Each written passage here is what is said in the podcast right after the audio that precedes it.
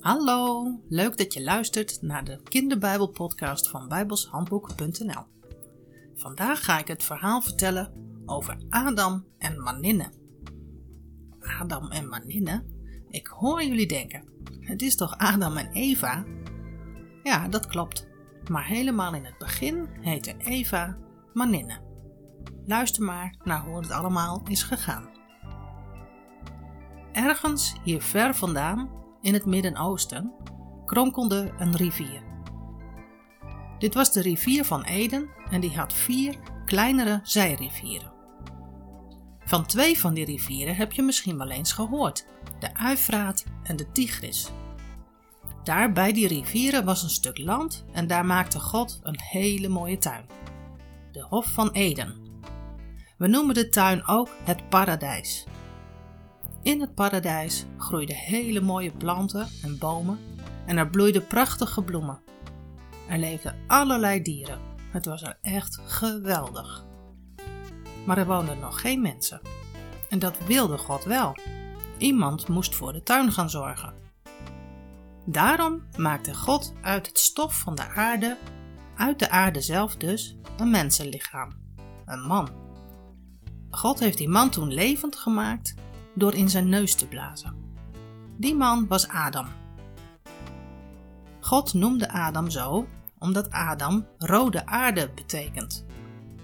Hij was ook door God uit die rode aarde van het paradijs gemaakt.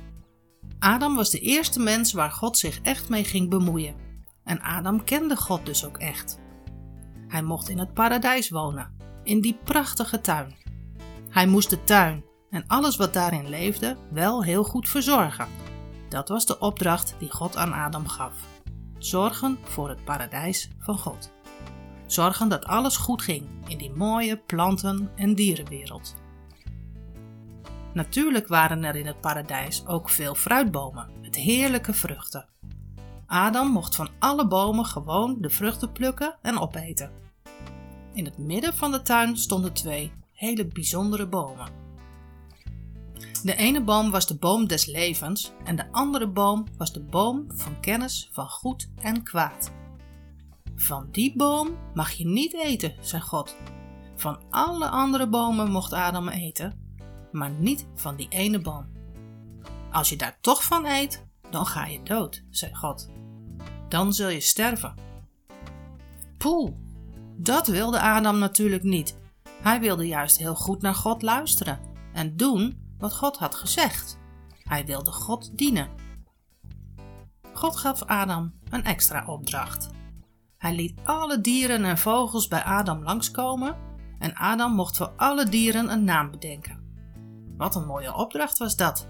Er waren zoveel verschillende dieren, Adam had het daar best druk mee.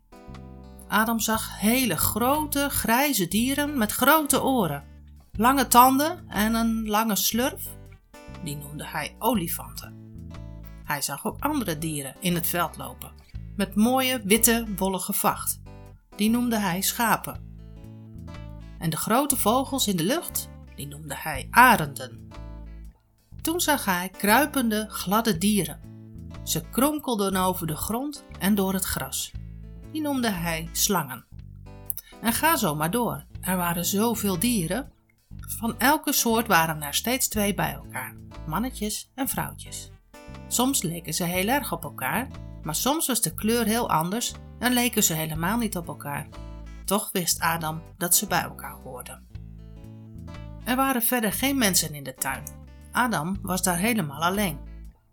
Toen zei God: Het is niet goed dat je alleen bent. En hij zorgde ervoor dat Adam in een hele diepe slaap viel. En toen heeft God uit een van zijn botten een rib nog een mens gemaakt, een vrouw. Toen Adam weer wakker werd, bracht God de vrouw bij Adam. Eindelijk iemand die er bijna net zo uitzag als hij. En ze was ook gemaakt uit zijn eigen lichaam.